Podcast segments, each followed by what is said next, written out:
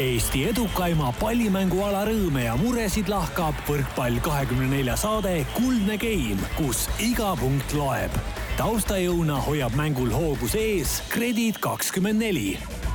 tere ja ilusat kolmapäeva, kaheteistkümnendat augustit, head kuulajad! kuldne Game on kahekuulise pausi järel tagasi, et regulaarselt taas kõigi võrkpallisõprade meelt lahutada ja uudishimu jahutada. Mantamaja stuudios on tänasel kaunil hommikupoolikul võtnud istet võrkpallisõpradele juba tuttavaks saanud kolmik, sest lisaks Karin Aldole on leidnud mikri üles suve keskel varasemast veel oluliselt vanemaks saanud ja neljakümnendat sünnipäeva tähistanud rannatennise mängija Rivo Vesik ning kogu suve naisi vaadanud Andres Toobal, tere härrased! Tere, tere! tervist! no nagu hääletoon ilmselt juba reetis, siis ütlemata tore on tagasi olla ja teid siin stuudios äh, näha. Rivo, alustame sinust kõigepealt võtame ikkagi juba mainitud personaalsed teemad läbi, nelikümmend, kuidas kõlab?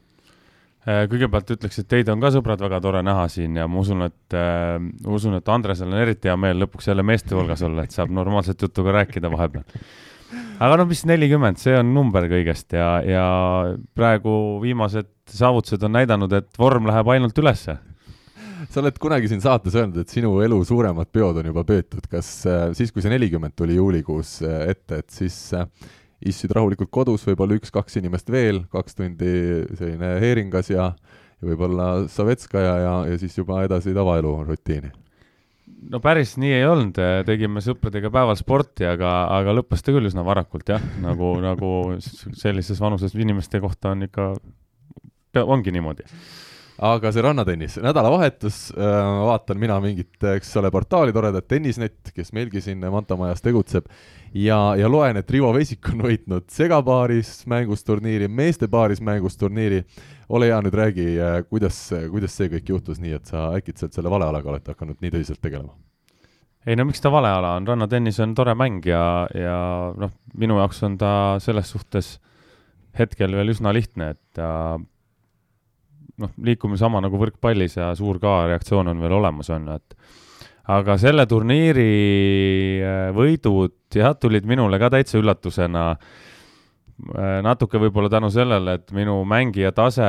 hinnati törts nõrgemaks, kui tegelikult oli, et äh, no, seal näo järgi vaadatakse? ei, korraldaja, ma, ma ei ole lihtsalt mänginud ühtegi turniiri, vaata, ja siis korraldaja, ega korraldaja ei tea, kuidas ma mängin, on ju, ja siis pandi viies tase kuuest. Mina arvasin, et see viies tase on kümnest pandud, et ma kuskil seal keskel olen, nagu ma teise päeva hommikul sain teada, et kuues tase on kõige nõrgem, siis ma kergelt ikkagi solvusin. aga jah, et äh, turniir oli iseenesest vahva, sai hästi palju mängida, esimene päev viis mängu ja vist, vist oli seitse tundi või seitse pool tundi väljakul ja teine päev viis mängu ja kas kaheksa pool tundi või üheksa tundi isegi väljakul, et äh, madistatud sai kõvasti punktisüsteem oli handicap'iga, nii et meil oli tegelikult päris kõva eelis äh, finaalis selle maailma kahekümne üheksanda numbri vastu äh, sest me olime, iga game olime, neil oli miinus viisteist ja meil oli pluss kolmkümmend, et ega me seal suurt midagi tegema ei pidanud ja nemad servisid ainult alt, et ja te me... mängite siis, eks ole, tennisesüsteemiga, ma lihtsalt võrkpalli sõpradele ka ütlen, et viisteist, kolmkümmend, nelikümmend game, jah. et see segapaaris äh, turniir oli tegelikult Helina, mul paariline mängis maru hästi, et mina seal suurt, mängitakse enamus palle naiste peale, on ju, et mina seal suurt ei teinud ja, ja Helina mängis maru hästi. Aga,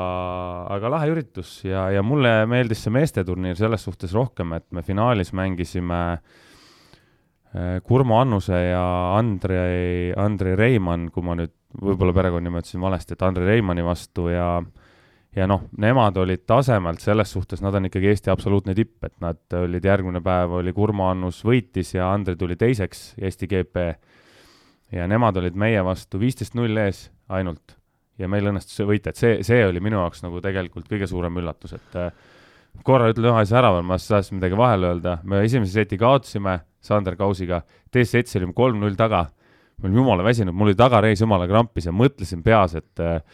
saaks see kuradi jama juba kord läbi, onju ja kolm sekundit hiljem Sander ütles kõrvalt, et issand, saaks see kuradi jama läbi. ja siis käis mingi klõps ja kõik läks nagu vastupidi.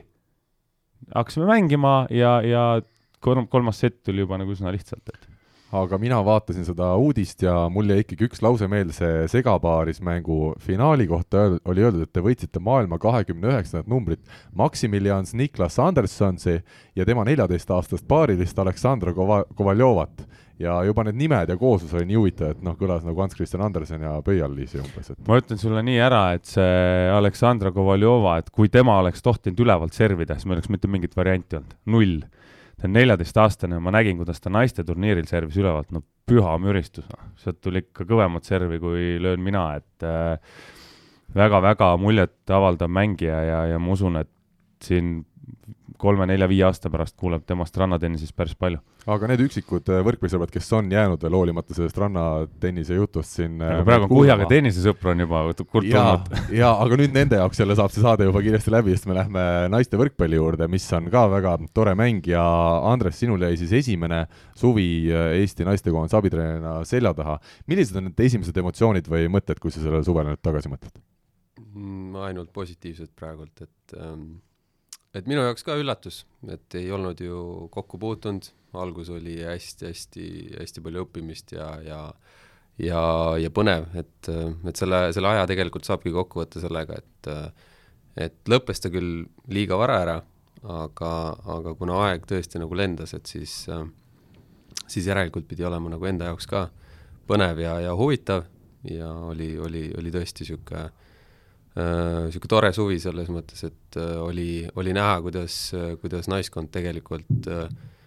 uute treenerite all tahtis ja, ja püüdis ja, ja, ja väga-väga professionaalselt astus nii-öelda sammu edasi, et et ma arvan, treenerid olid väga rahul, ma loodan, et naised ise ka. et minu jaoks, minu jaoks väga, väga, väga niisugune õpetlik ja ja, ja huvitav suvi no meie naistekoondise sellist heast atmosfäärist oleme kõik juba teadlikud siin mitu aastat, aga kuidas nüüd see uus treenerite punt kokku hakkas sobima, seal oli ju välismaa mehi, seal oli Eesti mehi, naisi ka veel juures, et päris selline suur kooslus taustajõude. jaa, aga, aga see, see näitaski seda, et kuna see aeg tõesti lendas, lendas väga kiiresti, siis, siis leidsime suhteliselt kiiresti selle klapi, et juba esimestest päevadest siin, siin Tallinnas, et et äh, sai maha istutud, sai arutatud mingid niisugused äh, põhiasjad ära ja, ja tegelikult see koostöö laabus, laabus väga hästi, et äh, igalühel omad, omad asjad, nüansid vaadata ja, ja teha ja ja trennid äh, treenerite jaoks ka hästi-hästi füüsilised, mis, mis võib-olla meeste, meeste siis äh, trenni, trennide juures võib-olla treeneritel väga füüsilist ei ole, et sa võib-olla vaatad ja õpetad, siis, siis naiste trennides pead ise olema hästi-hästi aktiivne ja, ja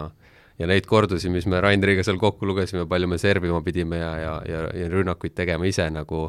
jalad maas nii-öelda, siis, siis need kordused olid väga-väga suured. nii et pärast läksite vahel massööri juurest läbi ja lasite õla läbi mudida? Äh, Rainer kindlasti käis jah, aga, aga, aga selles mõttes tõsiselt äh, meil oli oma programm õlale ka, mis mis Üke treener meile natukene andis ja, ja isegi õpetati natuke, kuidas, kuidas õlga säästa nii et äh, ega selles mõttes hästi, hästi huvitav, jah. ma tean, mida sa tunned selles suhtes. on olnud endalgi päevi, kus veedad lihtsalt tumba peal jaa, ega, ega nii ongi ja, ja ei, see ja ilma naljata, et ongi, et hommikul lähed ülesse ja, ja õhtul tuled alla, et vahepeal tuuakse sulle banaani ja vett ja. et ennastpidi jah, nagu ikkagi õla, õla siuksed äh, juurdeviivad harjutused enne ja, ja pärast ja pärast sihuke õla sihuke korras hoidmine, see, see käis kogu aeg asja juurde. ma tean, et te tegite lõuatõmbeid seal treeneritega algusest peale, kes siis lõpuks kõige rohkem tõmbas? Äh, ma ei tea, kas lõpus rohkem, meil oli lihtsalt seeriaid, et äh, tegime, alg-, alustasime kaheksa pluss kaheksa ja siis kümme pluss kümme, aga, aga seal jah, Max vist äh, mingi hetk loobus ja, ja Raineril oli vist õlaga, et ma, ma veel lõpp, lõpuni pidasin vastu, aga aga, aga see oli niisugune täpselt sama, et lihtsalt ennast natukene hoidmist peale trenni, et noh, olid rasked päevad ka seal vahepeal, kuna kuna noortekoondised olid samuti meiega ja, ja me käisime ka nendes trennides, siis lihtsalt niisuguse äh, pea värskena hoidmiseks või viimaseks pingutuseks alati need lõuatõmbed sinna lõppu jäid, et äh, see oli niisugune tore challenge enda jaoks no me tuleme kohe naistekoondise tegemiste juurde tagasi, aga ütle veel enne, kuidas su põlveseis on, kas oled saanud juba natukene midagi tegema hakata? Jaa, juba olen kergelt jooksma hakanud ja ütleme, niisuguste mikrosammudega positiivsuse poole, aga, aga, aga praegult on natukene niisugused vaated teised, et äh, seda põlveasja hoian nii, kuidas hoian ja, ja, ja üritan siin tegeleda hetkel treeneri tööga või, või abistamisega aga meie tänane saade on jaotatud siis neljaks osaks, me räägime naistekoondisest, me räägime meestekoondisest, me räägime käimasolevast rannavolle suvest ja väga huvitavatest muudatustest Eesti võrkpalliklubide nimekirjas. Ja nüüd siis võtame ette nendest äh, märksõnadest esimese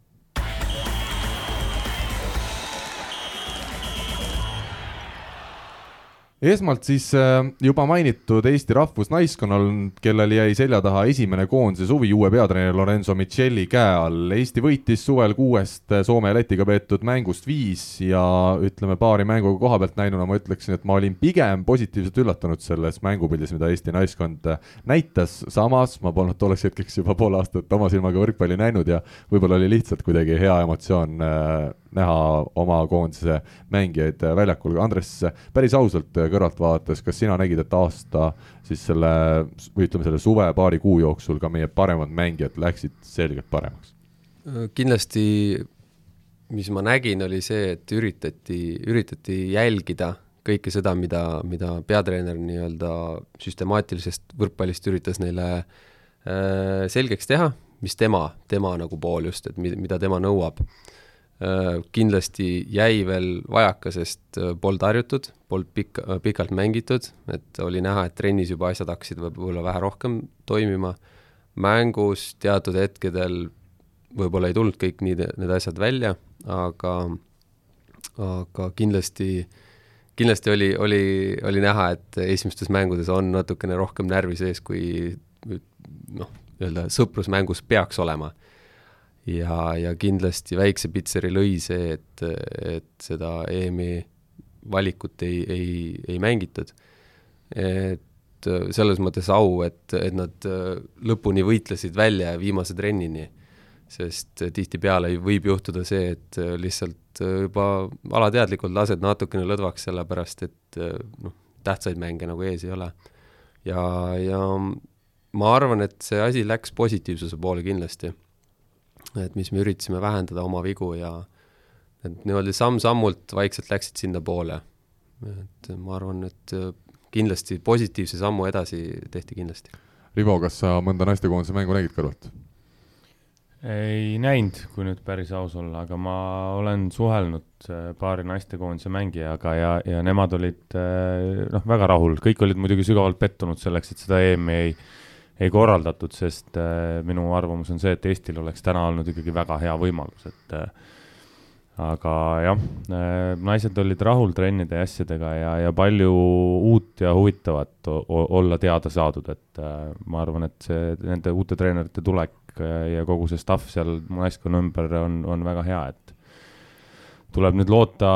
et saavad rohkem koos olla siin saalihooajal, kuigi eks see, ma arvan, et Andrest teab rohkem, aga et eks see raske on, on ju, et saali ajal neid kõiki kokku saada, aga, aga tule, loota tuleb, et. kindlasti, et praegult olid, kõik olid äh, füüsiliselt heas vormis, ei olnud vigastust ega mingeid probleeme, et eks klubi hooajal ei tea kunagi, kuidas keegi tagasi tuleb ja kui palju neid seal nii-öelda rakendatakse ja, ja kui palju, võib-olla mõni saab väga vähe tööd, mõni saab selgelt liiga palju tööd ja, ja väga väike aeg, et praegult meil oli hästi pikalt ikkagi aega valmistuda. et äh, kindlasti, kindlasti on raskem, aga, aga peab ka seda ju arvestama, et ega teistel on samamoodi raske, et ega, ega me ei ole ainsad. räägi äh, natuke detailsemalt ka, mida siis Lorenzo Micheli muutis, mida ta tahtis, et Eesti naiskond teeks võib-olla teistmoodi kui varem. ma usun, et see tuleks ka võrkpallisõpradele kasuks, kui sa oskad võib-olla mingi sellise detailse näite tuua, et, et mida hakati teistmoodi tegema kas just teistmoodi, aga, aga kindlasti seda, et äh, hakati hästi palju otsima selliseid äh, plokivigu, et äh, et oli selgelt näha, et kui, kui algus oli harjutud, et pall on vaja põrandasse lüüa, siis, siis tegelikult need pallid sinna väga palju ei jäänud, et äh, et olid omad sellised spetsiifilised harjutused, mida, mida tuli teha, et selline, ma arvan, selle, selle aasta selline üks fraas, mis, mis, mis naistele küll, ründajatele eriti pähe oli jäänud, on, on kindlasti üks, üks asi, et et meil oli üks kummilint niisugune, kus oli enam-vähem ploki kõrguse järgi pandud ja sinna tuli teatud suunal tuli kogu aeg sinna kummilindi pihta lüüa, et kus siis see plokilatv on. ja see, see, see fraas nii-öelda raber jäi, jäi, ma arvan, kõigile kogu aeg meelde, et nii kui kõrged pallid olid ja ja eks, eks taktikaliselt selle noh, ütleme ploki, plokis kindlasti oli, oli see, mis, mis nüüd nende jaoks natukene võib-olla teistmoodi oli, et need sellised algpositsioonid ja ja natukene võib-olla mängu lugemist teistmoodi, et kui siin võib-olla eelnevalt on hästi palju harjutatud, et üritati temporündajaid harju- äh,, aidata ja et siis nüüd, nüüd käis see rohkem nagu teise süsteemi järgi, et äh, minu jaoks oli see kõik uus, et äh, kindlasti need mängijad, kes võib-olla on välismaal rohkem mänginud, nende jaoks võib-olla nii uus ei olnud, aga, aga oli selgelt näha, et et eriti noortele oli, oli see täiesti uudne ma tean, et sa oled abitreener ja ega abitreenerid tihti ei taha kedagi eraldi välja tuua, aga, aga ole hea, proovi kedagi nimetada, kes ütleme näiteks sulle jättis hea mulje siit koondisest, üks või, või kaks nime näiteks. No nii on jah, päris raske, et äh, eks mina vaatasin natuke rohkem seda, et ma teadsin ju, mis, mis, milleks on enam-vähem võimelised need äh, nii-öelda vanemad olijad, et äh, eks ma natukene üritasin jälgida, jälgida just seda nooremat generatsiooni, et meil olid noored sidemängijad, meil oli Eva-Liisa, kes, kes nagu on selline väga-väga potentsiaalikas ja, ja, ja käisin ka, käisin ka äh, nendel noortelaagrite juures ja aitasin trenne teha Maxil, siis äh, siis tegelikult nagu, mis positiivne ongi see, et küll väikese niisuguse väikese vahega küll, aga, aga sealt kaks tuhat neli, kaks tuhat kuus aastal sündinud seal vahemikus tegelikult on potentsiaalikaid tüdrukuid päris, päris palju tulemas. Max Bruini nime sa oled siin maininud mitu ja. korda, kes on siis noor treener, kes vist nende noortekoondistega palju tegeles. Temal, ma saan aru, ka eesti keele õping, õpingud sujusid nagu välismaalastest kõige paremini? tal jäi jah, kuidagi, kuidagi liiga hästi need asjad seal, mingid teatud fraasid jäid väga hästi meelde ja aga noh, tema puhul ongi see, et äh, ma arvan, et tema sai päris hea klapi juba, juba Eesti treeneritega, et see, et äh, Andrei oli temaga kogu aeg äh, koos ja, ja, ja ma arvan, et see on niisugune väga positiivne, et et ega ta ju ei tulnud siia nagu kedagi õpetama, et ta lihtsalt tuligi enda kogemusi edasi andma ja, ja eks iga treener ju võtab nagunii selle poole, mis ta arvab, et on õige ja, ja üritab sulandada, et, et uued teadmised kindlasti kõigile ja, ja oskavad äh, neid ära kasutada lihtsalt, et ega see ei olegi nii, et, et keegi tuleb ja ütleb, et nii on õige. et see ei ole asja mõte Eesti koondise valikturniiri mängud siis lükati vähemalt praeguse seisuga jaanuarikuusse, loomulikult me ei tea, mis maailm toob, võib-olla neid mänge ei mängita kunagi ja sõidetakse Euroopa meistrivõistlustele pääsejad mingisuguse rankingu asemel, aga see kõik on tulevikumuusika, Šveits oli siis meie vastaseks alagrupis ja, ja Valgevene, nendest tuleb jagu saada, aga meie võtame siit juba ette meie meestekoondise teema. tahaks, tahaks ühe küsimuse küsida küsi. nende, nende noorte kohta, et äh, mingi hetk ma kuulsin äh, et osad noored loobusid laagrist, mingi seltskond, kes oli peale esimest laagrit olla öelnud, et nemad enam ei tule, et nemad tahaksid olla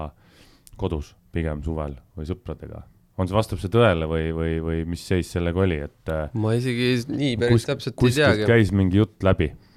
ma ei teagi, sest need olid nagu justkui kahes erinevas vanuses tulid sealt, alguses olid natuke nooremad ja siis tulidki hiljem äh, natukene vanemad et ma täpselt seda isegi ei tea, et äh, kuidas, kuidas neid mängijaid seal jagati või, või minu arust kas Katriin Põld, meie noor temporündaja vist loobus jah, mingil hetkel koondisest suve keskel, kui ma ei eksi. aga jah, rohkem ma ei tea. aga jah, nende noortega, noh, tema oli nagu koondise juures äh, nagu A, A-tiimi juures, aga aga nende noortega ma jah, nii täpselt nüüd ei oska öelda, et kuidas seal keegi, keegi otsustas, aga, aga tegelikult tuligi teine grupp tuli juba äh, hiljem ja seal olid juba ka näiteks Jade Šadeiko ja, ja siis äh, nii-öelda kes neljadest sisse ei mahtunud, aga ise otsustasid, et nad tahaksid ikkagi veel teha ja, ja nad olid nõus noortematega tegema trenni. Rivo sai oma küsimusele vastuse, meie läheme edasi järgmise teema juurde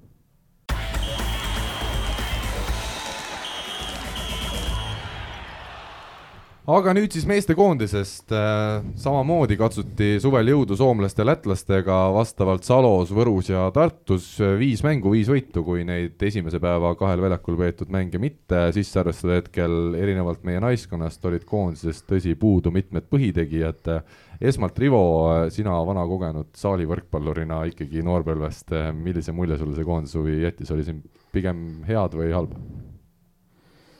Äh, tead, mõlemat minu jaoks, et äh, noh, mõnes mõttes kõikidest mängijatest, kes ei tule, ei läinud koondisse, jällegi arusaadav otsus, et tegelikult ju see suvi, see suvi midagi äh, ees ei ole ja no ma ei usu väga, et seal põhi sellel, meie põhikuuikul suurt midagi kokku mängus õppida oleks, on ju, jah, võib-olla see uue treeneri käekäik või käekäik, käekiri ja ja sellised asjad, et äh, mõnes mõttes võib-olla oleks tahtnud näha täiskoosseisu mängimas Soome ja Läti vastu, aga, aga vaadates neid tulemusi, mis, mis tulid, et siis pigem oligi võib-olla positiivne see, et kui need kõik noored said seal proovida ja said käe valgeks, et et ega hetkel tegelikult, olgem ausad, ei olnud ei Lätist ega, ega Soomest siin väga suurt vastast, et et need mängud pigem olidki mõeldud ilmselt, noh, olekski olnud mõeldud ilmselt nendele noortele, et äh, aga üldiselt ma, on hea meel on selle üle, et on mehi, kes mängivad, kes tulevad järgi, et Viiber ja Robert Viiber ja ja, ja Markus Keel ju näitasid ka sidemängijatena korralikku mängu, et, et selle, selle üle on nagu pigem kõige parem meel, et, et meil on mingid sided ka olemas. oled sa, Andres, nõus selle sidemängijate väitega? jaa, kindlasti, et tulid ju väga hästi said oma asjadega hakkama, et et eriti, kuna ma ise olen rohkem natukene äh, Markuse mänge näinud, siis, siis temas nagu ma ei, nagu otseselt ei kahelnud, aga, aga Robertit ma ei olnud tegelikult mängimas näinud ja ma olin selles mõttes hästi positiivselt, ma ei, ma ei saa öelda üllatunud, ma, ma nii palju ikka tean, aga, aga ma olin ülla-, nagu selles mõttes natuke üllatunud, et kindlalt mängis ja oli, oli asjas hästi sees. Sama, sama minu poolt ka, et vaata seda Roberti mänge ei näegi kuskilt, on ju, kuna ta on välismaal ja, ja neid on ülekandeid otsida on üsna raske, et siis siis mina vaatasin ka päris huviga ja, ja jättis ikka väga positiivse mulje. No vaatame seda põhikoosseisu, kes meil siis esimesel ja kolmandal päeval, mil vastamisi läksid äh, need põhikoosseisud. Lätiga meil väljakul jooksid. Keel ja Viiber olid siis sidemängijatena mänguaega jagamas, aga põhikoosseisus siis nurgameestest Martti Juhkam ja Kristo Kollo, temporündajatest Henri Treial, Andrei Aganits, diagonaalina Oliver Venno ja liberona Silver Maar kui me nüüd seda koosseisu vaatame ja seda mängupilti proovime natuke hinnata, mis Läti vastu näidati, kas, kas sellise meeskonna oleks ka EM-finaalturniiri, ütleme, alagrupist edasipääsu asja või, või see selline koosseis ei ole, Rivo, see, ma eeldan, on üsna keeruline küsimus, aga oskad sa siin midagi kosta? see ongi keeruline küsimus jah, siin, sinna EM-ile on veel nii palju aega, et me ei tea, mis meie meestega on ja me ei tea, mis on välismaal või teiste võistkondadega, et et noh, nimede poolest ju alagrupist võiks edasi saada küll, et ega siin need nimed, mis sa nimetasid, on juba tänaseks kõik väga kogenud mängijad, võib-olla peale siis Markuse, kes on, kes ei, ei ole nii palju põhikoormust kandnud, on ju. aga, aga jälle noh, mind natukene noh, ma, ma natuke muretsen selle Oliver Verno Katari pärast, et see sada tõstet mängus saada, et kuidas ta vastu peab kogu selle, õnneks seal vist on hooaeg hästi lühike, on ju jaa, see on nagu see positiivne pool. jah, see on positiivne pool, et seal on üsna vist kas neli kuud nad möllavad seal, ongi kogu moos, et äh, aga jah, et, et, et äh, selle koha pealt ennustada niimoodi ei oska aga ütleme jah, kui me võtame siin Kollod, Juhkamid, Vennod on meile juba päris hästi tuttavad ja Jaganits on ka aastaid mänginud siin koondises ka põhimehena, siis äh, minu arust Henri Treial oli nendes Lätiga mängudes selline tubli, tubli tegija, kes, kes näitas, et ta on ikkagi sisuliselt võrdväärsel tasemel, ütleme meie selle kuulsa kolmikuga Aganits, Tammemaa ja Kreek, Andres, kas sa oled nõus sellega? jaa, et nende tempomeestega on alati nii, et et noh, statistikast me võime välja lugeda ju kogu aeg seda, et kes kui palju palle maha lööb või palju plokke paneb, aga, aga kindlasti äh, treeneritele jõuab ka see info, palju neid kasulikke puuteid tuleb, et seda ma noh, niimoodi telepildist niimoodi väga ei jõudnud jälgida, aga aga, aga tempoosakond on kindlasti see kõige paremini ära kaetud osa, et mis ma ise, mis minule tundub, millega me oleme eelnevalt siin võib-olla natukene kärisenud, on, on just see vastuvõtuosakond, et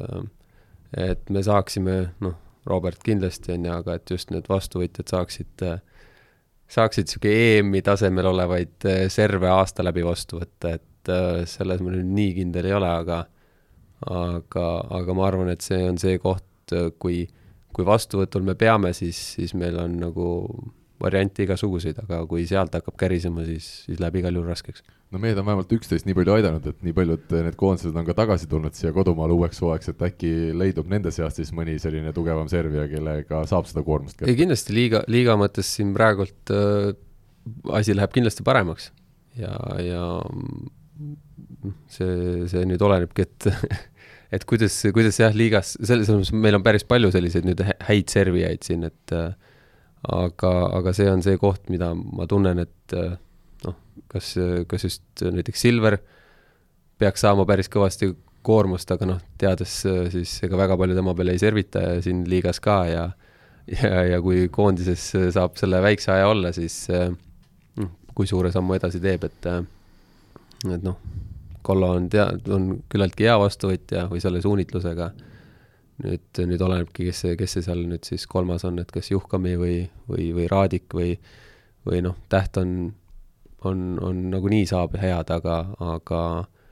aga just, et see pool on meil olnud natukene võib-olla see, kust hakkab kärisema, et see, see on see koht, kus peaks hakkama saama paremini võib-olla edasi liikuda.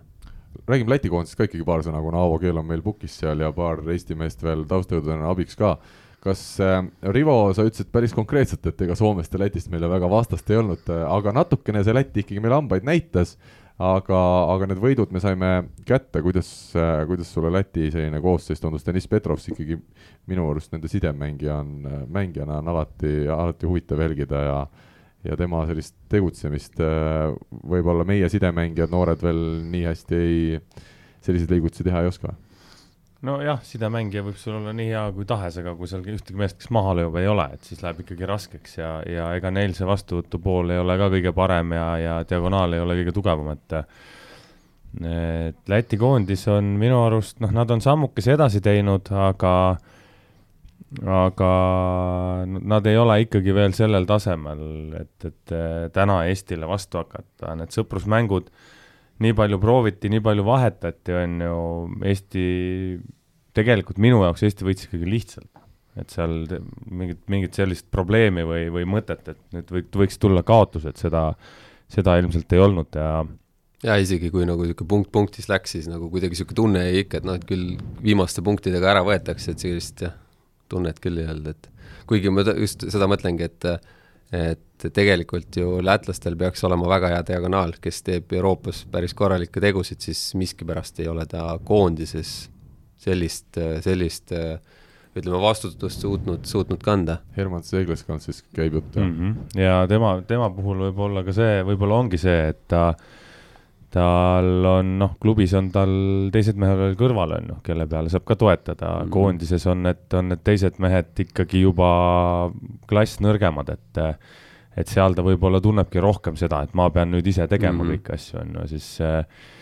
eks see, see ei ole ka niisugune, ei ole nagu lihtne koorem kanda. no räägime nurgameestest paar sõna, Juhkami ja Kollo taset me teame,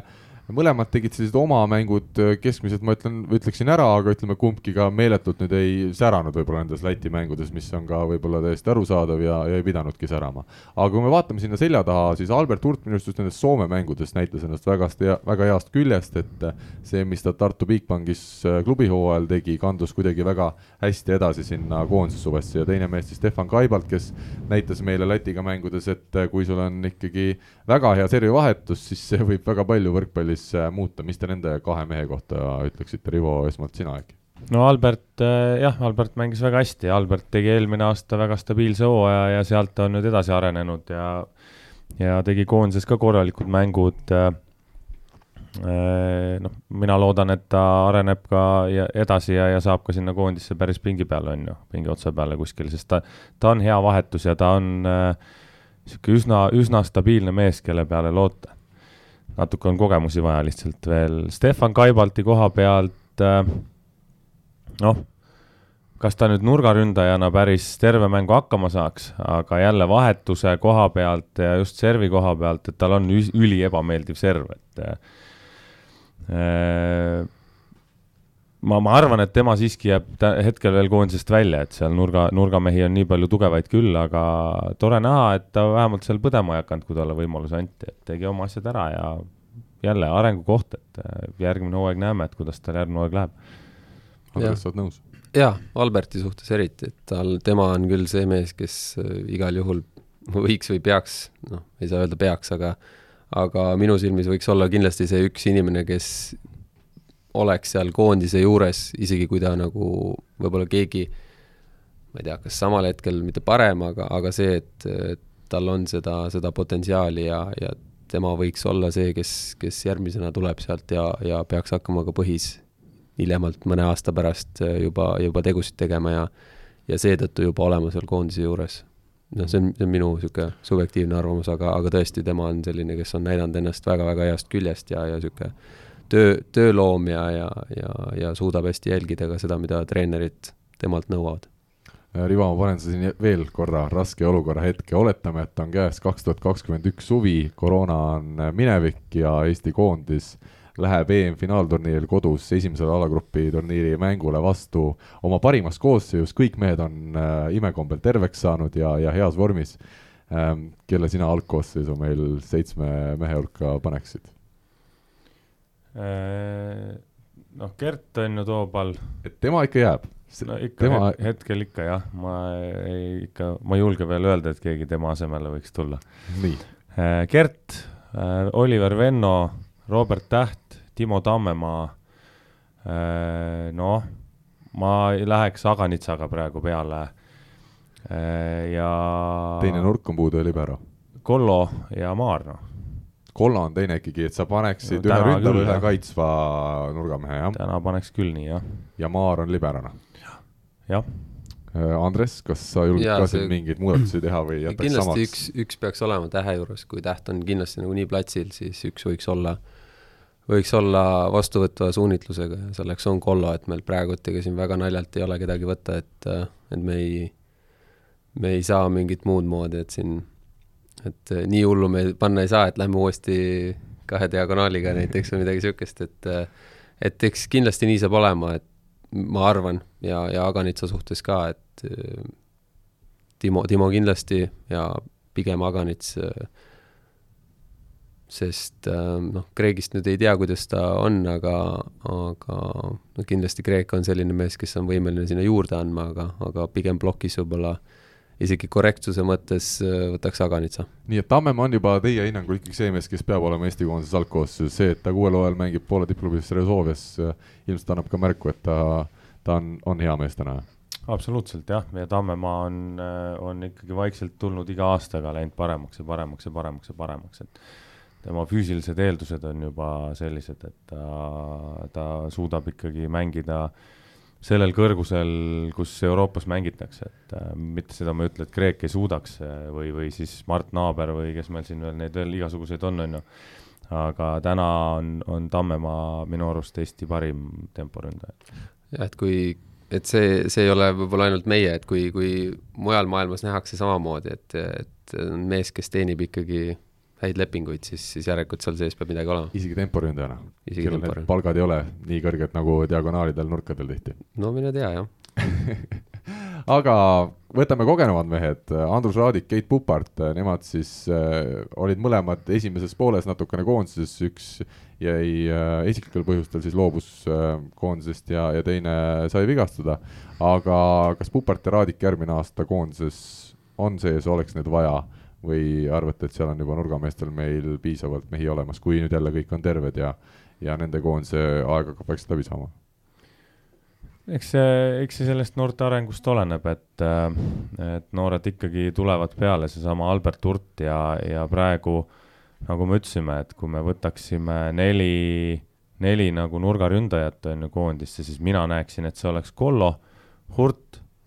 siis Ro Robert Täht ja, ja isegi Martti Juhkami, kui ta, kui ta on terve, Juhkami või Raadik, et äh, mitte, et ma ütleks, et Pupart on, on kehva mängija, aga aga ma arvan, et, et noh, tema isegi see otsus, et nüüd jääda, minna perega koju, see on, ei ole ka vale otsus, aga aga kui sa tahad olla seal koondise juures ja, ja olla järgmine aasta ka EM-il, et siis, siis peaks ikkagi selle pulli kaasa tegema veel. tema vanuses, ega, ega teda sinna rohkem ilmselt ei, ei saa ka, et Märt Tammearu nime me ei ole täna maininud, kas äh, Märt võiks olla ka järgmisel aastal juba seal koondise ringis ikkagi sees ja konkureerida tõsiselt äh, väljakule pääsemise eest või arvestades, et tal on siin kaitsevägi ees ja ja Servi vastuvõtul see viimane hooaeg ei olnud kõige parem, siis on seda liiga vara loota? no võib-olla pandi talle natuke liiga palju niisugust äh, survet peale ka, et see hooaeg oli, oli niisugune tõusude ja mõõnadega äh, et kui sellist stabiilsust juurde saab, äh, siis, siis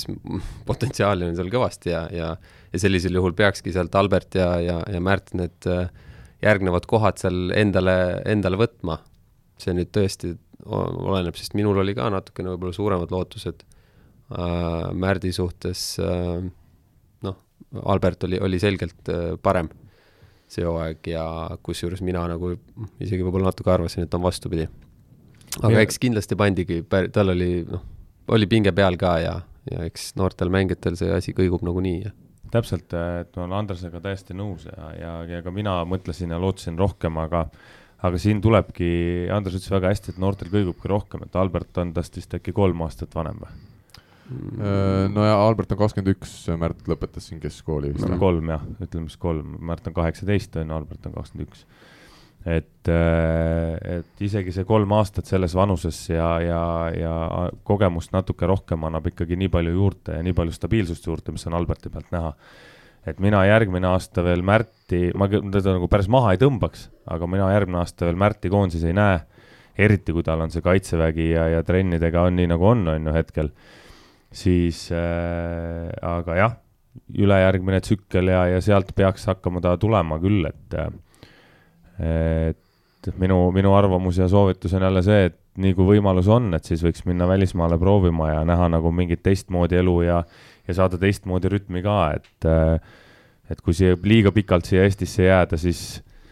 siis võibki siia Eestisse jääda, et on, on olnud mängijaid küll ja küll, kes on tulnud noored ja andekad ja jäänud Eestisse, Eestisse, Eestisse, ongi Eestis lõpetanud oma karjääri. no ma selles suhtes olen küll üsna veendunud, et tänasel päeval juba see agentide töö on ka Eestisse jõudnud ja, ja kui siin hooaja keskel käisid Saaremaa, Alex Saaremaad ja Märt Tammearut siin Itaaliastki agendid vaatamas, et et ilmselt võrreldes ütleme, kümne-viieteist aastase taguse ajaga on, on hoopis paremini Eesti liiga pildis ka ja, ja küll siit jõuab peamees välismaal igal juhul. jaa, aga see, seal, seal on teine teema on see, et kas, kas ise tahetakse et ega siis kümme aastat tagasi olid ka need võimalused olemas, küll mitte võib-olla nii suured, aga need võimalused olid olemas. aga siis oli küsimus selles, et kas sa ise tahad minna sinna või ei taha, ja täna on täpselt sama küsimus. et kui sa ikkagi ei taha ja mõtled, et mul on siin kodus väga hea olla, siis siis, siis ongi, oledki kodus ja, ja mängidki Eesti liigat ja tahes-tahtmata, siin jääb sul areng üks hetk kinni, et sul ei ole midagi teha, kui sa mängid tegelikult, kui me saates hiljem siin räägime nendest igasugustest liikumistest, on ju, siis noh, põhimõtteliselt sa ju päeva lõpus mängid ikkagi samade meeste vastu. jaa, et ega Eestis ongi,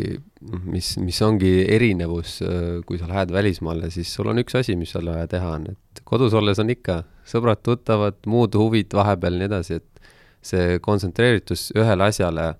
tahes-tahtmata läheb natukene väiksemaks ja, ja siin tekib igast noh, õppimise huvid ja ja vaatad, et vaba aega on ja nii edasi, et seal, seal sul lihtsalt ei ole ja, või kui on, siis, siis sa tegeled ainult ühe asjaga ja ja see paneb natukene teistmoodi mõtlema ja, ja kindlasti on vastutus natuke suurem. igal, igal juhul oled välismängija, on vastutus suurem, see paneb jälle muud moodi sind proovile, et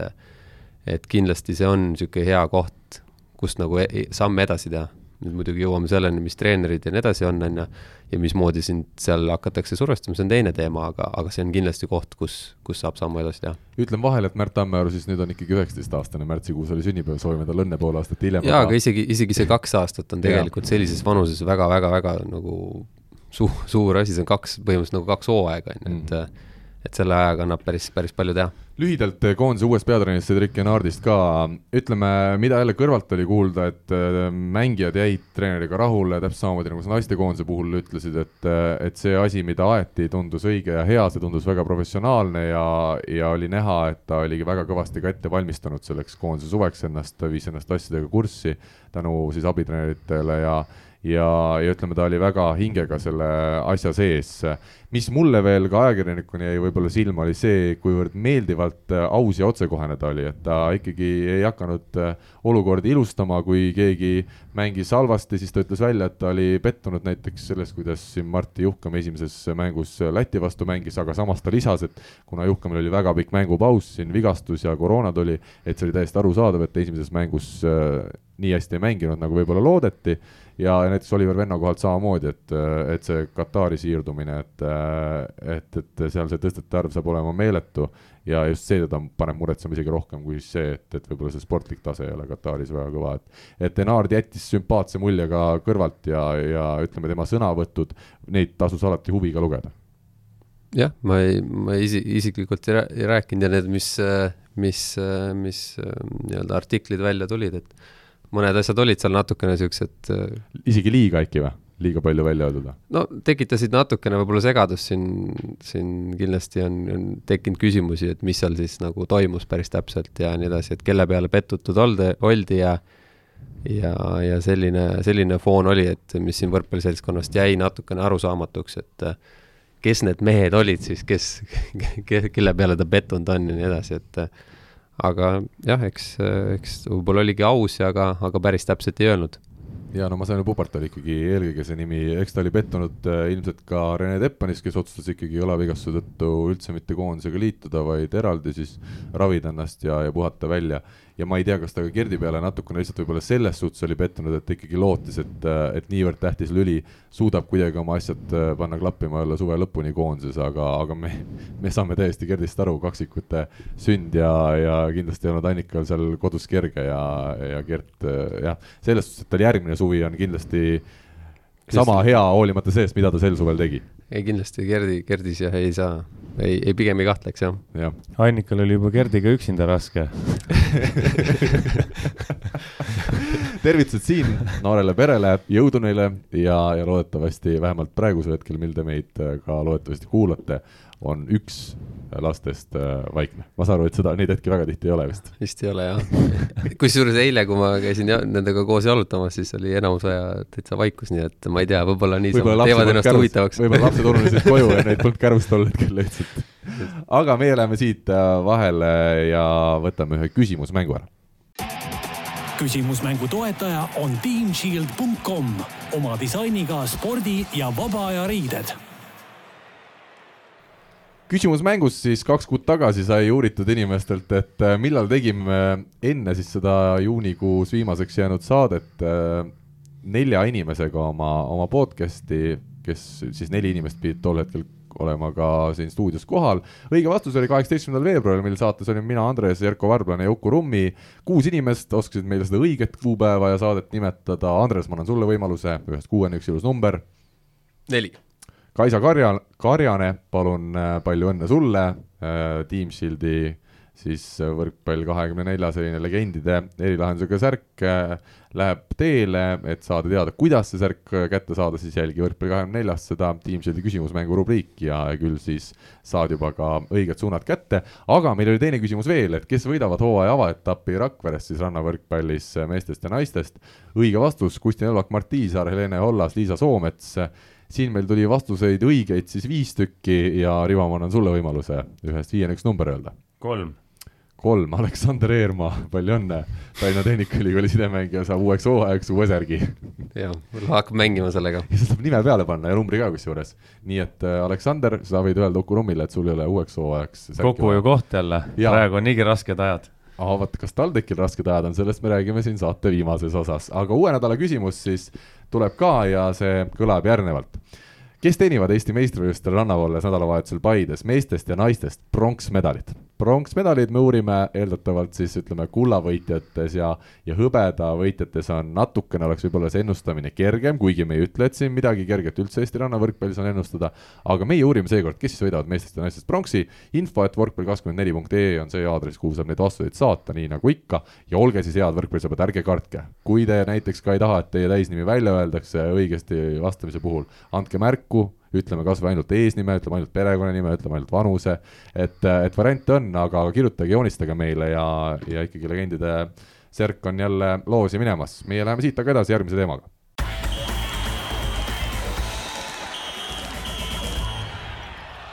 no see rannavolle suvi on olnud küll tänavu täiesti selline meeletu ja pöörane, ilmselt äh, paljuski koroona tõttu, aga loodetavasti ka seetõttu, et ala on lihtsalt populaarsemaks saanud avaetapil Rakveres näiteks kakskümmend nais- ja kolmkümmend neli meespaari, mingitel etappidel on siis juba naisi olnud rohkem kui äh, mehi ja, ja ütleme, huvitav on olnud ka see, et äh, tänu siis sellele, et MK-sarja etapp ei ole toimunud, on meie paremad paarid, Läti paremad paarid, naistest ka ja meestest ka Leedu paremad paarid siin etappidest osa võtnud, vähemalt veebieetrisse jõudnud mängude siis äh, nende lugejanumbrite põhjal võib öelda, et ka huvi on olnud päris suur selle rannavõrkpalli vastu äh, Rivo, sina kui vanameister sel alal just ütle, kas sa oled rahul senise selle sündmuste käiguga, mis meil siin rannavõrkpallis on, on, on toimunud suvel? Äh, jaa, olen rahul, äh, selles suhtes võistkonnad on tugevad, kes siin on mängimas käinud, turniirid on olnud põnevad, äh, mis on korraldatud ja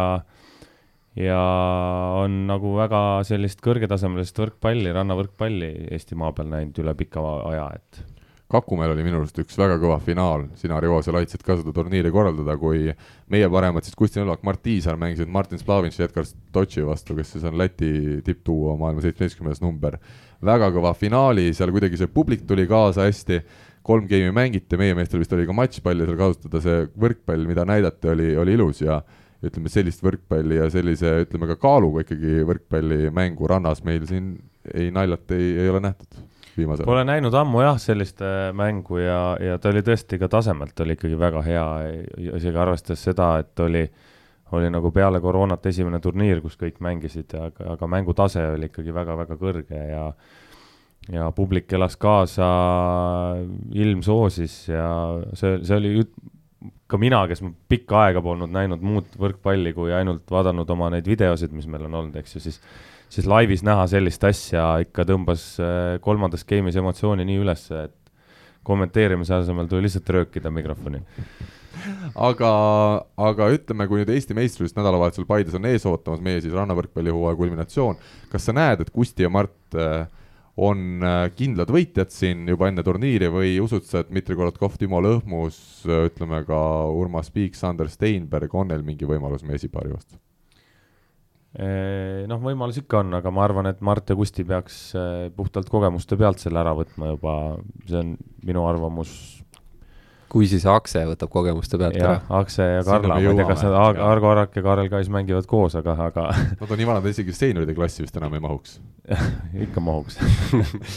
aga, aga jah, ma arvan, et nad peaks võitma, kuigi Timo ja Dima on näidanud siin päris head mängu kogu aeg Marti Kohati, ja Kusti vastu, et. ja isegi Plamis Totši vastu nad on ju korralikult mänginud. Nad on kolm-kaks mänginud minu arust, või kolm-kaks, kaks-üks mänginud kogu aeg minu arust Mardi ja Kustiga mm. -hmm. ja noh, Plavintsiga ühe korra samamoodi kaks-üks, et et no eks ole näha, tasub kindlasti jälgida, mina paneksin oma panuse siiski, siiski Mardi ja Kusti peale. mis te Argo Araku kohta ütlete, see, et ikkagi Tartus jõudis pronksile, Kaarel Pomerants, niisugune nooruke kahekümne vist kaheksa, üheksa aastane mees oli kõrval. kuidas see võimalik on, et Argo nii hea on täna? Rivo, sina oled nelikümmend ja no ei, selles suhtes, ei mängi enam. selles suhtes äh, ega seal nagu üllatust ei ole, et ta on enam-vähem normaalses füüsilises vormis, on ju. mänguoskused selles suhtes ei kao kuhugi, et Argo ikka mängib üsna tihti nädala sees ka ja, ja kui füüsis peab, siis, siis miks, miks mitte mängida, kui talle ise meeldib ka, et äh, minu puhul on lihtsalt see, et mul on võistlemisest nagu üsna kõrini, et ma olen nii palju võistelnud oma elus, et äh, et ma pigem, pigem mängin niisama sõpradega, aga võistelda väga ei taha, jah. aga Argoga sa trenni teeksid hea meelega? Jaa, muidugi, ma teen kõigiga hea meelega trenni. eriti rannatennises? rannatennises ka. selge, aga võtame siin meeste rannavõrkpallist rääkis ikkagi ka sinu enda ühe turniiri ette, see oli Pärnus, Sten Esnaga sa mängisid ja õnnestus sinu vastu mängida seal peaväljakul sellise toreda publiku ees. ja see oli lahe kogemus, oli lahe kohe väljakult näha, kuidas kogenumad mehed ikkagi noortele ja vihastele lihtsalt teevad ära sellega, et nad teavad, teavad, kuidas see mäng käib jah, ja mitte, mitte isegi ainult sellega, et kuidas me teame, me isegi aitasime teid vahepeal seal. me isegi see... õpetasime teid, kuidas mängida. Ma võin öelda selle, mida Rivo praegu silmas peab, see oli siis umbes vist teise game'i algus, me olime esimese game'i kaotanud võrdlemisi kindlalt, mingi neliteist, kakskümmend üks oma paarilise Mario Stepanoviga, tervitan teda siinkohal. Äh,, tubli plokimees ja muidu tore mees, aga, aga siis Rivo teise game'i algus, kuna millegipärast te paganad panite kõik servid minu peale, ma ei tea, te nägite ära, et ega ma ikka väga ei jaga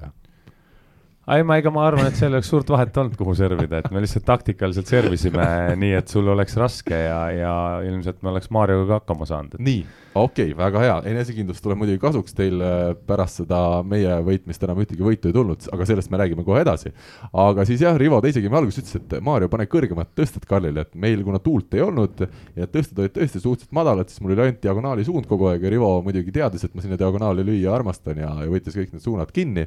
aga siis tulid tõsted kõrgemale ja ennäe, äkitselt oli ka piir tekkis no, niisugune võimalus. ja teine game oli väga tasavägine juba, ma ei mäleta, mis me kaotasime, seitseteist või kaheksateist, kakskümmend üks, et aga ja. no muidugi lõpus see mängumeeste punktidel võtavad ikka need punktid, kes seda mängu tegelikult oskavad mängida ja kõige parem oli veel see, et pärast mängu tegime siis intervjuu, videointervjuu Steni ja Rivoga, et näed, teisel päeval nüüd ikkagi põhiturniirile ja nii ja naa ja kuidas ikkagi homme siis valmistute ja kuidas täna õhtul siis selline lõdvestus veel välja näeb. ja siis teeme intervjuu ära ja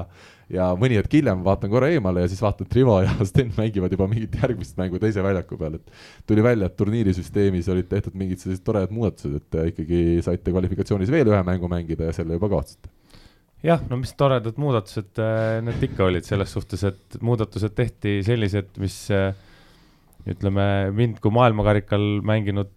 meest üllatasid, et ma pole sellist süsteemi veel näinud, et äh, keegi saab ilma mänguta põhiturniirile, et samas kui põhiturniir on täis, et noh, väike viga tuli sealt korraldajate poolt sisse, aga, aga ei, sellest ei ole hullu, et äh, nagu me peale seda teist mängu lätlastega tõdesime, kus mängisime Steniga päris hästi kusjuures, et me saime ikkagi nende vastu kaheksateist geimi ja üheksateist, üheksateist punkti ja kaheksateist punkti kätte, on ju. arvestades sellega, et me olime teinud täpselt ühe trenni enne seda turniiri, siis äh, tegelikult meil oli õhtul oli väga hea meel. pärast seda, kui me läksime Steni juurde sauna ja, ja enne tähendab poest läbiminekut Sten oma autost välja astus ja vaevu liikus, siis, siis meil oli ikka väga hea meel, et me sinna teise päeva tegelikult ei saanud. pluss äh, Esnade peret tuleb kiita, et ikka väga hea saun oli neil ka ja, ja üks tore mees, Kaido nimeline, kindlasti saadet kuulad, tervitame teda, et tema hoidis seda õhtul meeleolu üleval, see on ka hästi oluline osa. ta on teie uus treener peale seda ainus treener, kes on meid nõus juhendama. aga tuleme naiste rannavõrkpalli juurde ka ütleme, meie esipaar Helene Hollas, Liisa Soomets on tänavu mänginud, viimati mängiti siis äh, Soome turniiril ja jäädi seal siis äh, medalimängudest küll eemale, aga Rivo, sinu selline professionaali pilk nende arengule, näed sa, et nad on eelmise aastaga võrreldes edasi läinud või, või on see protsess alles äh, väga algusjärgus? mul on üldse kogu selle naiste rannavõrkpalli üle väga hea meel praegu, et, et hästi palju on mängijaid ja hästi palju tuleb just selliseid, selliseid täiesti nagu amatöörmängijaid, kes ei mängi meistriliigas ka, et nad tulevad ja proovivad hästi julgelt ja, ja tahavad mängida, et ma tean siin paar-kolm-neli inimest, kes tahavad hakata järgmisest aastast päris nagu nüüd sellest sügisest päris nagu ainult rannavõrkpalli tegema amatöörid, et et sellega seoses on meil Terasega ka üks plaan teha, tehagi meestele ja naistele amatööridele pro-tiim, kellele me pakume siis kaks-kolm korda nädalas trenne ja füüsilist äh, trenni ja kõiki asju, et see puhtalt minu enda huvi, et vaadata, kui kaugele nagu üks amatöör, kes tegelikult ei olegi nii väga sügava võrkpallitaustaga, suudab jõuda. see kohe tekitab huvi. no vot, vot. aga, aga mul on selles suhtes hea meel, et palju mängitakse ja, ja Hollas Soomets, nad on kindlasti sammu edasi teinud. Nad on kindlasti sammu edasi teinud, kui nad siin hooaja alguses võib-olla olid natuke kärsitud, tahtsid kohe midagi saavutada, sest tegelikult on palju on trenni tehtud ja võib-olla peas ongi see mõte, et noh et nüüd, nüüd ma peaks kohe tulema, siis, siis tegelikult ta tahab jälle, me oleme rääkinud sellest ka, et ta tahab ikkagi natuke aega, natuke kannatust, et et see aasta tegelikult ju ongi väga hea aeg, millal teha trenni, sest maailmakarika etapp ei toimu, tulebki mängida neid Eesti etappe, võtta siit maksimum, Lätist maksimum, nii palju kui saad ja, ja sealt õppida ja järgmine aasta, kui maailmakarikas lahti läheb, et siis olla nagu pigem selleks valmis. ja Tartu turniiri põhjal ma julgeks kiita ka Renate Pikka, Judit Kurepohhomovit äh äkki juhtub nii, et äh, meil Paides oleks Eesti meistrivõistlustel finaalis selline isegi huvitav lahing, et et Judit ja, ja Renate on ka päris sedasi tõsiselt suvel asjaga tegelenud ja, ja Tartus mängisid minu arust päris hästi. minu arust nad võiks üldse hakata rannavõrkpalli mängima, et kuna nad kumbki koondise vaateväljas hetkel ei ole, on ju, ja, ja noh saalis on, on naistel nii nagu on, et äh, siis ju spordi tegemise mõttes, ega sul ei ole vahet, kas sa mängid rannavõrkpalli või saalivõrkpalli, et üks enda kulu ikka põhimõtteliselt kõik, eks ju, et. et tegelikult nad võiks mängida küll rannas. praegune see, see olukord tegelikult ju üldse soosibki neid, kes, kes sealt kas nooremaid või, või selliseid, kes on hiljem alustanud, et et, sealt tagant järgi tulla, et ma arvan, et palju raskem on nendel, kes, kes on juba tipus ja, ja, ja üritavad nüüd seda asja sä säilitada ja tulla tagasi noh, tähtsamateks võist-, võistlusteks, et, et ma arvan praegu, et siin noh, kas või kas või meeste poolelt Timo ja, ja, ja, ja Dmitril, et noh, nendel on nagu hea samm edasi teha, sest nad saavadki rahulikult harjutada, neil ei ole seda, seda survet peal, et kogu aeg peaks mingit tulemust tegema, et ähm, ma arvan, et nendel ka naiste poole pealt sealt et nendel on niisugune õige aeg, et, et, et saame edasi teha. Andres ütles väga õigesti, neil on aega harjutada, sest muidu on sul see, et ikkagi sa paned siin oma täislakshooaja, on ju, kuskil sealt märtsist või maist kuni septembri lõpuni, siis puhkad ja seda trenniaega tegelikult jääb üsna väheks. et praegu ongi väga-väga hea aeg harjutada, need turniirid ei ole nii tähtsad, mida mängida, eks ju, ja, ja saadki oma mängu asju, mängus, mängus nagu asju ka proovida et mida siis trennis tehtud on. ja naiste puhul ma ütlen, äh, et eks neid äh, ägedaid paare ja häid paare on veel ja, ja kõik, vaadates neid naiste turniiride numbreid see aasta, siis, siis on väga kihvt ja täna hommikuse seisuga siis kaheksateist naispaari, kakskümmend kaks meespaari peaksid Paides Eesti meistrivõistluste medali eest minema mängima, võimalik, et seal veel kedagi lisandub, aga umbes sellised need numbrid saavad olema. ja meie võtame siit ette tänase saate viimase ja võib-olla et ka kõige põnevama teema.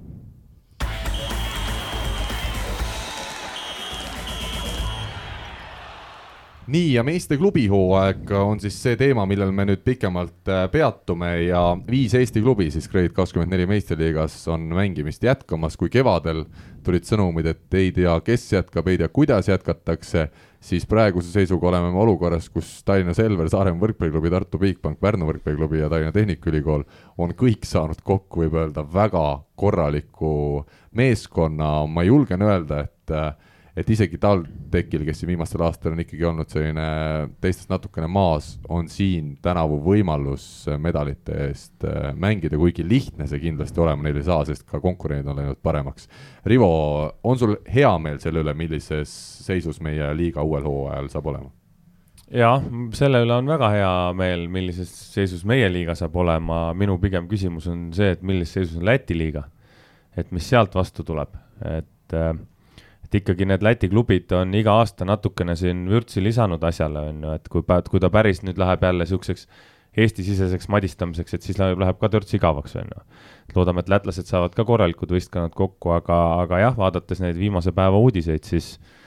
siis tundub, et see hetkel vähemalt see koroonaaeg on päris hästi üle elatud, et Saaremaa siin palkab järjest välismaalasi, nii füsiosi, füüsilisi treenereid kui mm kui tempomehi, kui, kui mida iganes, on ju, et et vaata, et seal Saaremaal ongi nüüd enamus juba välismaalased. Võtame siis võistkonnad eraldi ette ka, alustame pealinna klubist Tallinna Selverist, ütleme, kui me nüüd vaatame seda eeldatavat põhikoosseisu, loomulikult me täpselt ei tea ja ei saagi teada, kes seal esimestes mängudes väljakule peaksid minema, aga orienteeruvalt võiks olla Renet Vanker sidemängijana, Kristo Kollo, Andrus Raadik, väga huvitavad lisandujad siis koondise lainelt nurkades diagonaalis Mihkel Nuut, Oliver Orav on siin mul mõlemad pandud küsimärk nende taha, Rene Tepp on veel sulgudesse võimalik, et äh, liitub võistkonnaga. Äh, Mark Saru ja Mihkel Varblane, noored tempomehed, väga huvitav jälgida, kindlasti mõlemad saavad ilmselt olema need äh, keskblokeerijad siis, keda jälgida, Rauno Haidla, Sten Vahtras libero positsioonidel ja peatreenerina tagasi Eestis Rainer Vassiljev ja, ja tundub, tundub äge see võistkond, tundub äge, Andres, sina oled abitreenerina jätkamas seal võistkonnas, kuidas sulle asja sees olijana see võistkonna nimekiri tundub? Mm, jaa, tundub, tundub põnev. Ei saa, ei saa salata, et, et ma arvan, tase, tase tõuseb igal juhul ja eks siin on veel väiksed vangerdused veel on, et kas siin liitub keegi või, või jääb nii, et et see nüüd on siin jah, ma arvan, lood-, loodame vähemalt siin järgmise nädala maksimum kahega kõik need asjad ära, ära klattida, et eks meil on niisuguseid väikseid noh, ütleme, mitte neg-, ma ei saa öelda negatiivse poole pealt, aga, aga niisuguseid küsimärke, et noh, Renet ja, ja, ja Mihkel on, on hetkel Kaitseväes ja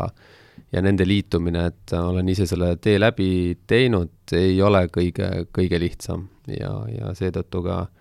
seetõttu ka sai, sai siis sidemängija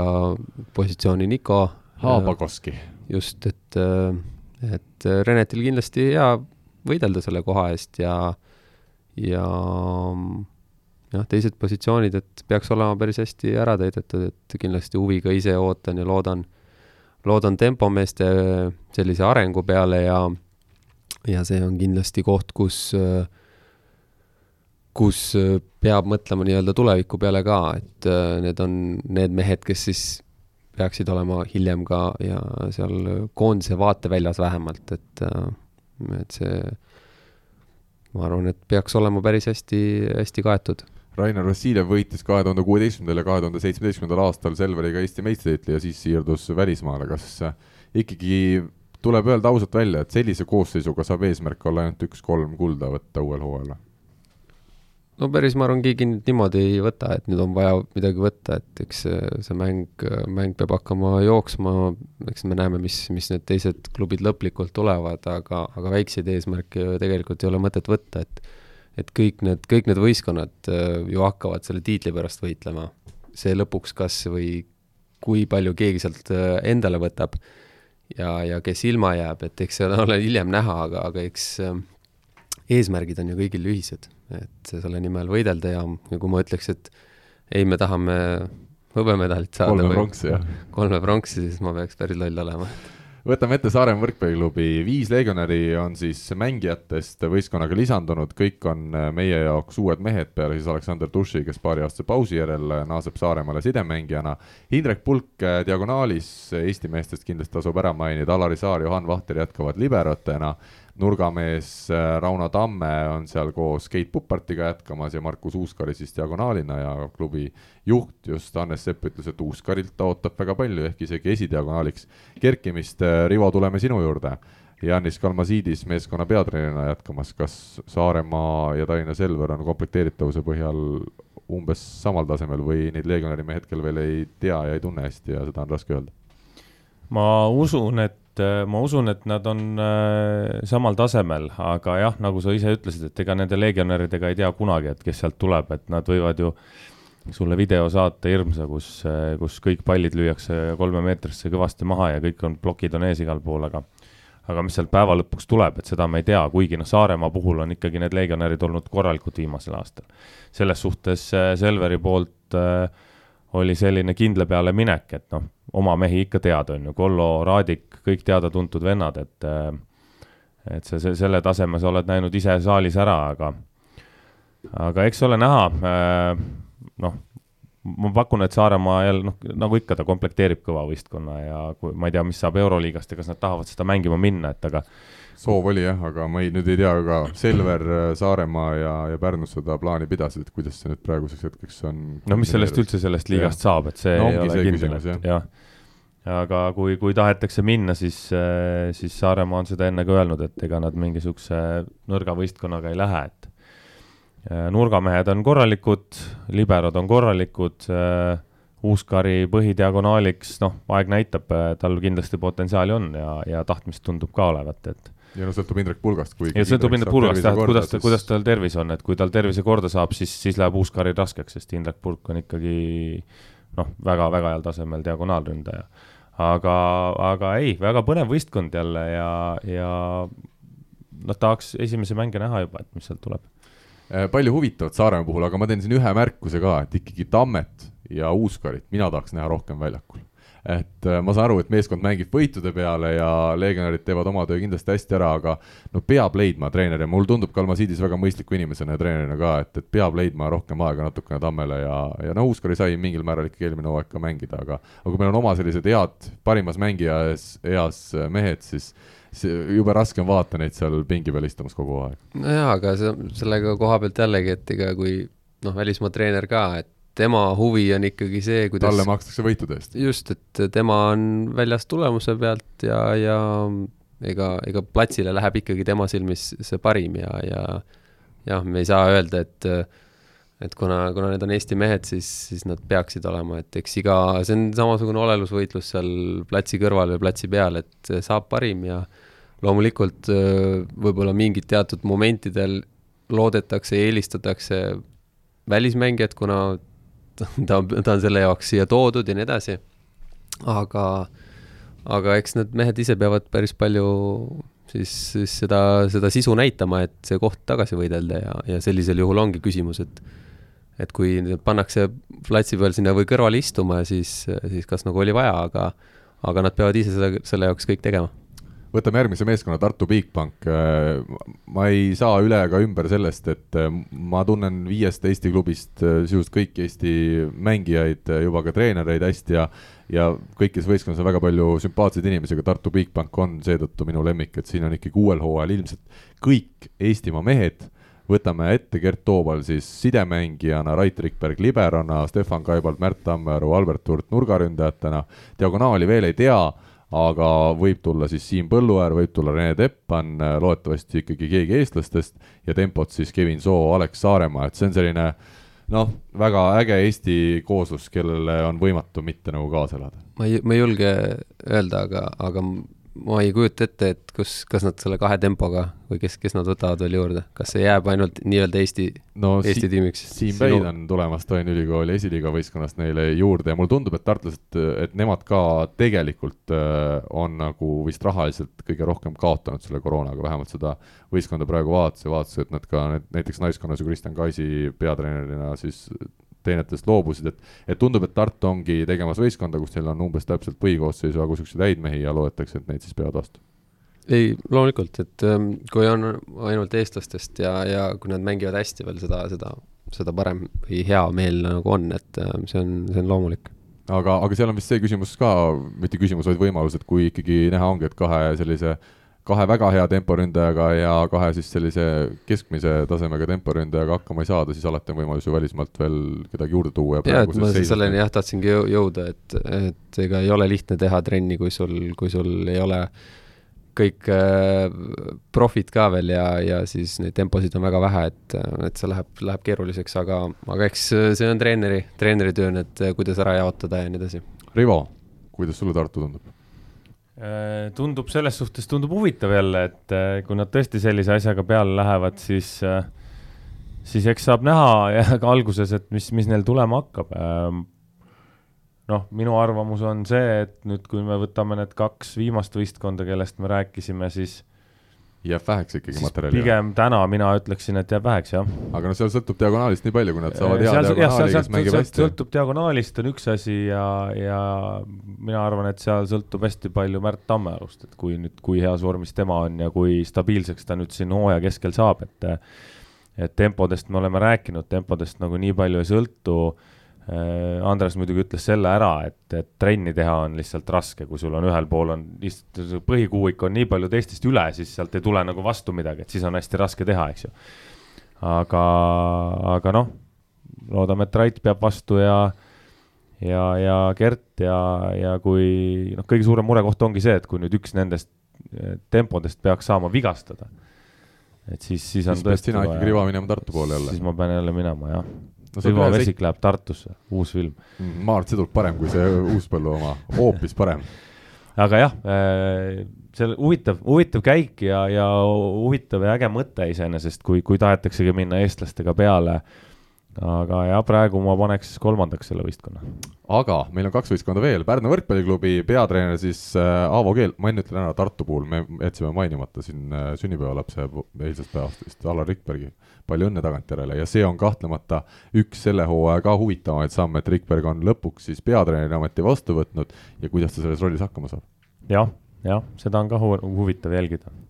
Pärnu võrkpalliklubi siis, Aavo Keel peatreenerina jätkamas sidemängijana eeldatavalt Martti Keel põhikoosseisus, nurgaründajatena Taavet Lepik ja meeskonda aastase pausi järel naasev lätlane Atvars äh, Ozolinš. Kristaps Plataks jätkamas siis diagonaalina, äh, Tom Svans nüüd aastase pausi järel tagasi siis tempomehena, loodetavasti Harri Palmar tema kõrval hakkamas tegutsema ja Silver Maar siis liberona. vaatad peale, ei ole nagu halb võistkond, samas vaatad neid äh, Selverit, Saaremaad ja Tartut ikkagi natukene nagu millestki jääb puudu, oled sa nõus, Rivo? jah, ma arvan, et ta praegu läheks pigem sinna Tartu, Tartu võistkonnaga võitlema, on ju, aga jälle Pärnus äh, seal, seal nii palju oleneb, kui hästi peab vastu Lepiku tervis. viimased hooajad on näidanud, et ta ikkagi kipub lagunema ja koormus on suur ja kui kui Lepiku tervis vastu ei pea, siis äh, ma ei tea, kes neil seal kolmas nurgaründaja sealt on äh,? Toni Tammiksaar peaks olema vist praeguse seisuga. nojah, tema kohta ma ei oska kommenteerida, et ma ei ole teda näinud, kuidas ta mängib. no Toni aga... eelmine aasta tegi teatud hetkedel päris niisuguseid soliidseid mänge, noh, nüüd võiks ju natukene nagu veel, kas ta oli koondise juures ka, ei olnud? ei olnud. võib-olla mingi alguse B-koondise juures ei olnud. midagi nagu alguses justkui käis mingi nimi läbi, et, et teda korraks proovida, aga, aga aga kindlasti oleks see mees, kes võiks ju sealt nagu aidata, aga, aga tõesti see Lepiku noh, ütleme, kui Lepikul midagi on ja seda on olnud siin viimastel aastatel või ütleme, viimased isegi neli-viis aastat, et, et kui seal midagi on, siis, siis nagu asendada on teda päris, päris keeruline ja sealt hakkavad väiksed lüngad tekkima. ja teine koht on ikkagi diagonaal, et, et Plataks eelmine aasta ikkagi ei, ei mänginud nagu nii hästi, kui äh, kui äh, Pärnu võistkonnal äh, vaja oleks, vaja oleks jah, et kui, et, et selline diagonaali koha, koha pealt on ka küsimus, et kui hästi nüüd Plataks mängib. ja temale ei olegi seal vist väga vahetust on ju panna ja kui me vaatasime seda Lätiga koondise mängu just teist Eestiga, kus siis Plataks sai mängida, esimene game vist üheksa punkti pluss seitse sisust, kõik jäi maha, edasi ülejäänud kolme-nelja game'iga seal väga punkte juurde ei tulnud, et hästi ebastabiilne, samamoodi käib ju Atvars Osolintsi kohta, et kohati vaatad väga võimas kuju, aga siis jääb jälle teisel hetkel nii kõvasti seri vastutul ette ja, ja sealt kaob see enesekindlus ka rünnakul ära, et et tundub natukene liiga palju seda ebakindlust on Pärnu, Pärnu selles koosseisus praegu sees, pluss siis see Lepiku efekt, mida juba kõik Eesti võrkpallisõbrad mhm. teavad, et kui Lepikut väljakul ei ole, siis see seri vastuvõtt kipub ära kaduma ja, ja kogu mäng sellega ühes. no seal on kaks hästi stabiilset, ütleme kolm, Marti on ka, eks ju, ta on juba kogenud mängija, ta on üsna stabiilne mängija, Svans ja Maar on kolm meest, on ju, kes on täna noh, kui, kui me nüüd jätame selle Lepiku välja, et kelle peal see võistkond siis tegelikult peaks püsima, Harri Palmar äh,, ta on hea mängija, ta on väga tore inimene, aga mina arvan, et ta on ikkagi rohkem selline rollimängija ja, ja, ja ta ei ole mees, kes otsustab mänge, et aga võtame ette siis viimase võistkonna meie meistriliiga klubidest, Tallinna Tehnikaülikool, sellise moodsa nimega nagu TalTech peab nüüd ütlema. Janis Sirelpuu siis jätkamas treenerina ja Janis Sirelpuust on siis saamas või juba ammu saanud mees, kes on kõige kauem ühe võistkonna juures ja, ja seda siis vedamas olnud, Aleksander Eermaa sidemängijana jätkamas, Valentin Kordas, Tamur Viidalepp nurgameestest eeldatavad põhimehed, samuti siis olid juba ka eelmisel hooajal võistkonnas diagonaalründaja. Kohal on nüüd suur küsimärk. Mihkel Nuut läks ära Tallinna Selverisse ja kes asemele tuleb, siin on ka Siim Põlluäärest olnud juttu, aga see veel selge ei ole, aga nüüd on eriti huvitav minu jaoks temporündajate osakond. Mihkel Tanila, Jörgen Vanamõisa, Sten Berillus ja Joonas Popman, vaatad peale ja ütle, et et kas või siin viie klubi parim kvartett on keskblokeerijatest kokku saadud, et väga huvitav lüke TalTechilt. Eh, huvitav lüke jah, nüüd ongi võib küsimus selles, et äkki saaks sealt kellegi diagonaali jah, ma olen ka selle peale mõelnud, jah. et kui neil on ikkagi, neil seda päris, päris nelja sellist tempomeest ei olegi tarvis võistkonda, et võib, võib-olla Sassil on Janis Sirelpool on seal mingi selline mõte, et neid natukene liigutada, ülejäänud on, ülejäänud punt on niisugune stabiilne, stabiilsed mehed on ju, et Amur suudab mängida normaalselt, äh, Kordas suudab mängida normaalselt, Eermaa on äh, hea sidemängija. Äh, noh, diagonaali koht on, kes neil libero seal on? Kris Karis-Lepp. Kris Karis-Lepp on ka okei okay,, et ei, ei ole nagu midagi sellist, et kuskilt hakkaks lagunema. et eelmine aasta TalTechi põhimure oli see, et kui läks väljaku peal latramiseks, et siis lagunes nagu mäng ära, et et nad ei suutnud nagu oma pead hoida, pigem no mängisid hästi, aga oma peas nad lagunesid ära ja selle pealt nad kaotasid mänge, nad küll võitsid ka kolm-kaks mänge ja ja võitsid siin tugevamaid võistkondi ka ja, ja näitasid kõvasti hambaid, aga aga selle koosseisu puhul mina näen pigem seda, et seal äh,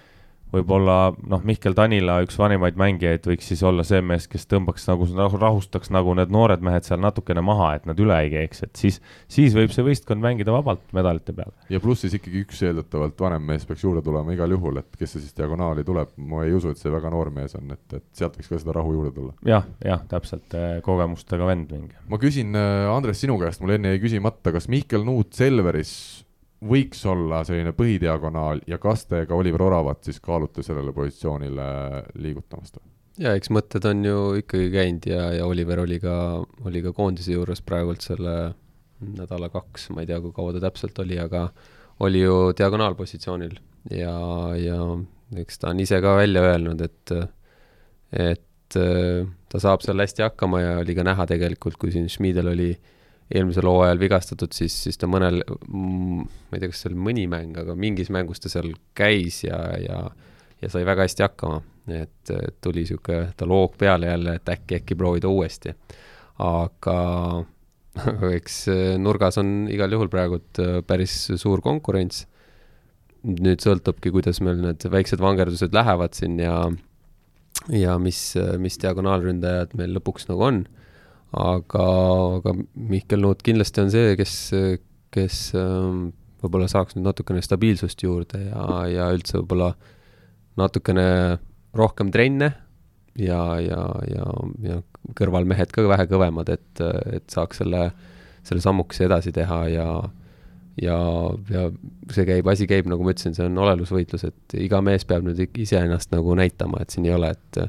et kas me, kas me teeme tast äh, põhimehe või jätame ta varusse, et see on ikkagi iga mehe ise otsustada, et kas Mihkel on võetud äh, nii-öelda professionaalse mängijana võistkonda või ta teeb oma põhitööd edasi täiskohaga äh,? hetkel ta teeb oma tööd ka, et ta ei, ta ei ole kogu aeg hommikuti kohal, et, et äh, eks see siis nagu tulevikus ole näha, mis ta ise mõtleb, aga, aga hetkel ta teeb, käib ka töö, tööl. mis sa arvad, mis sa arvad äh, sellisest mehest nagu Andrus Raadik diagonaalründajana?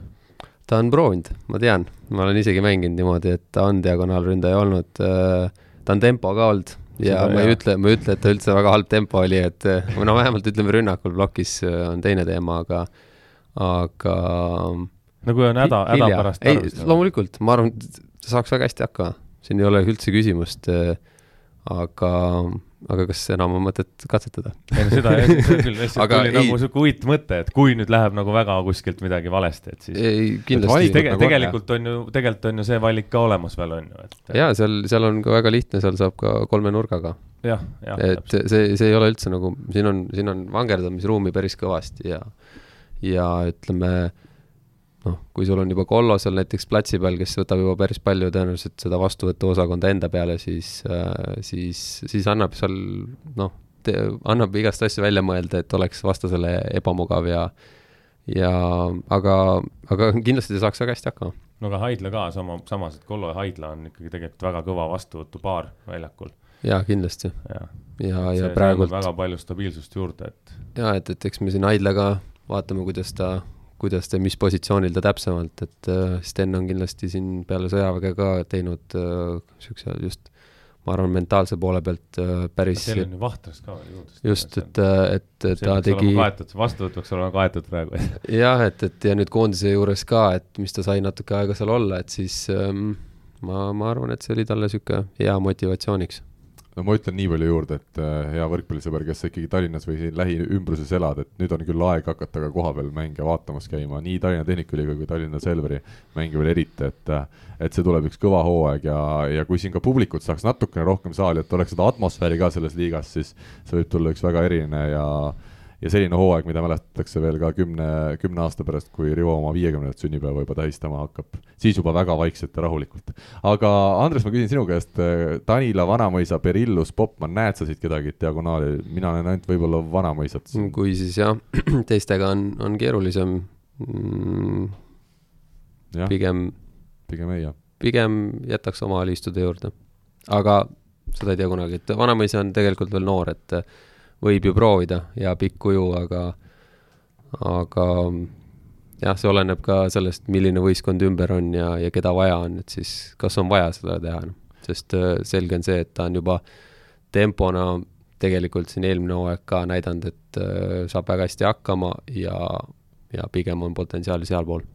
Äh, Rivo, kas TalTechi sa liigitad nüüd sinna ütleme, kolmanda-neljanda koha justkui punti Tartu ja Pärnuga noh, muidugi me jah ei tea veel diagonaalründajate, meil on siin paar teist kohta teistes klubides ka veel otsustavat kohta puudu, aga aga tundub sulle TalTech selle väärine või on nad ikkagi natukene veel ka Tartust ja Pärnust siin komplekteeritavusega maas? täpselt nagu sa ütlesid, oleneb, kes kuhu läheb, et, et see üks viimane lüli nii Tartus kui ka TalTechis võib olla väga-väga määrav, et et ma täna ei paneks neid, ma panen, selle, nende koosseisude järgi ma hetkel paneksin äh, Selveri ja Saaremaa ettepoole ja ülejäänud kolm tükki siis paneks nagu törts tahapoole, et et ega, ega, ega ei oskagi nagu öelda, noh, tuleb sinna mingi hea mees, on ju, tuleb äh, TalTechi Teppan, kes tuleb välja, et on supervormis ja sul on üks nii kõva käik lihtsalt juba juures, et, et sa hakkadki kõigiga võitlema. Läheb see, mis ta nüüd on, see teine Siim, Põlluäär tahtsin ennem muist öelda juba, et läheb Põlluäär Tartusse, on samamoodi heas vormis ja ongi sul eestlastest koosev, koosnev korralik võistkond, kus sul on nagu kõik käigud olemas põhimõtteliselt, et et ootaks need asjad ära ja siis, siis paneks nagu endapoolse lõpliku asja paika. Ja meil see võimalus tekib, sest äh, me hakkame seda saadet tegema nüüd jälle iganädalaselt ja, ja ma loodan, et te saate siin meiega kaasas olla siis äh, päris palju, no Andres Tallinna mehena ja Tallinnas töötava mehena vaatab mulle otsa ja, ja ei ole pääsu, ei ole pääsu. tuleb kohal käia, Rivo, kuidas sinul seisud on, kas äh, Venemaa rannavalvekoondis kutsub või ikkagi üle piiri sind jätkuvalt ei lasta? ei no eks nad kutsuvad, kogu aeg kutsuvad, aga üle piiri ei lasta, et nüüd eile just sain äh, esimese sellise positiivsema info üle pika aja. mitte koroona osas positiivse? ei, et, et. Tartus ei käinud? me ei ole veel käinud, naiivis ei ole käinud. nii naiivne see on. teisipäeval, järgmine teisipäev, väidetavalt on mingi jutt, et järgmine teisipäev siis hakatakse vaikselt Venemaa piire avama, et äh, järgmine laager hakkab kakskümmend viis august ja siis noh, ehk saab selleks ajaks sinna hirmsalt tahaks tööd teha, ma, ma ei tee üldse nalja, hirmsat moodi tahaks tööd teha, ma nüüd teist korda olen vaadanud läbi põhimõtteliselt kõik eh, eelmise aasta mängude videod ja teinud uuesti mingid analüüsid ja otsinud uusi kohti, et et kohutavalt tahaks teha tööd. Äh, jaa, ja, ja tööd saab alati teha, see on hea ja loodetavasti elu normaliseerub ja see uus võrkpallihooaeg tuleb siis ka klubi võrkpallis selline, nagu ta tulema peaks. Andres ja Rivo, aitäh teile selle tunni ja peaaegu kahekümne minuti eest, oli meeldiv ja, ja loodetavasti kohtume siis uuesti juba täpselt nädala pärast kõigile kuulajatele ütleme, aga ilusat nädala jätku! nägemist! suur tänu! Eesti kõige põnevamad podcastid on Delfis, kuula tasku.delfi.ee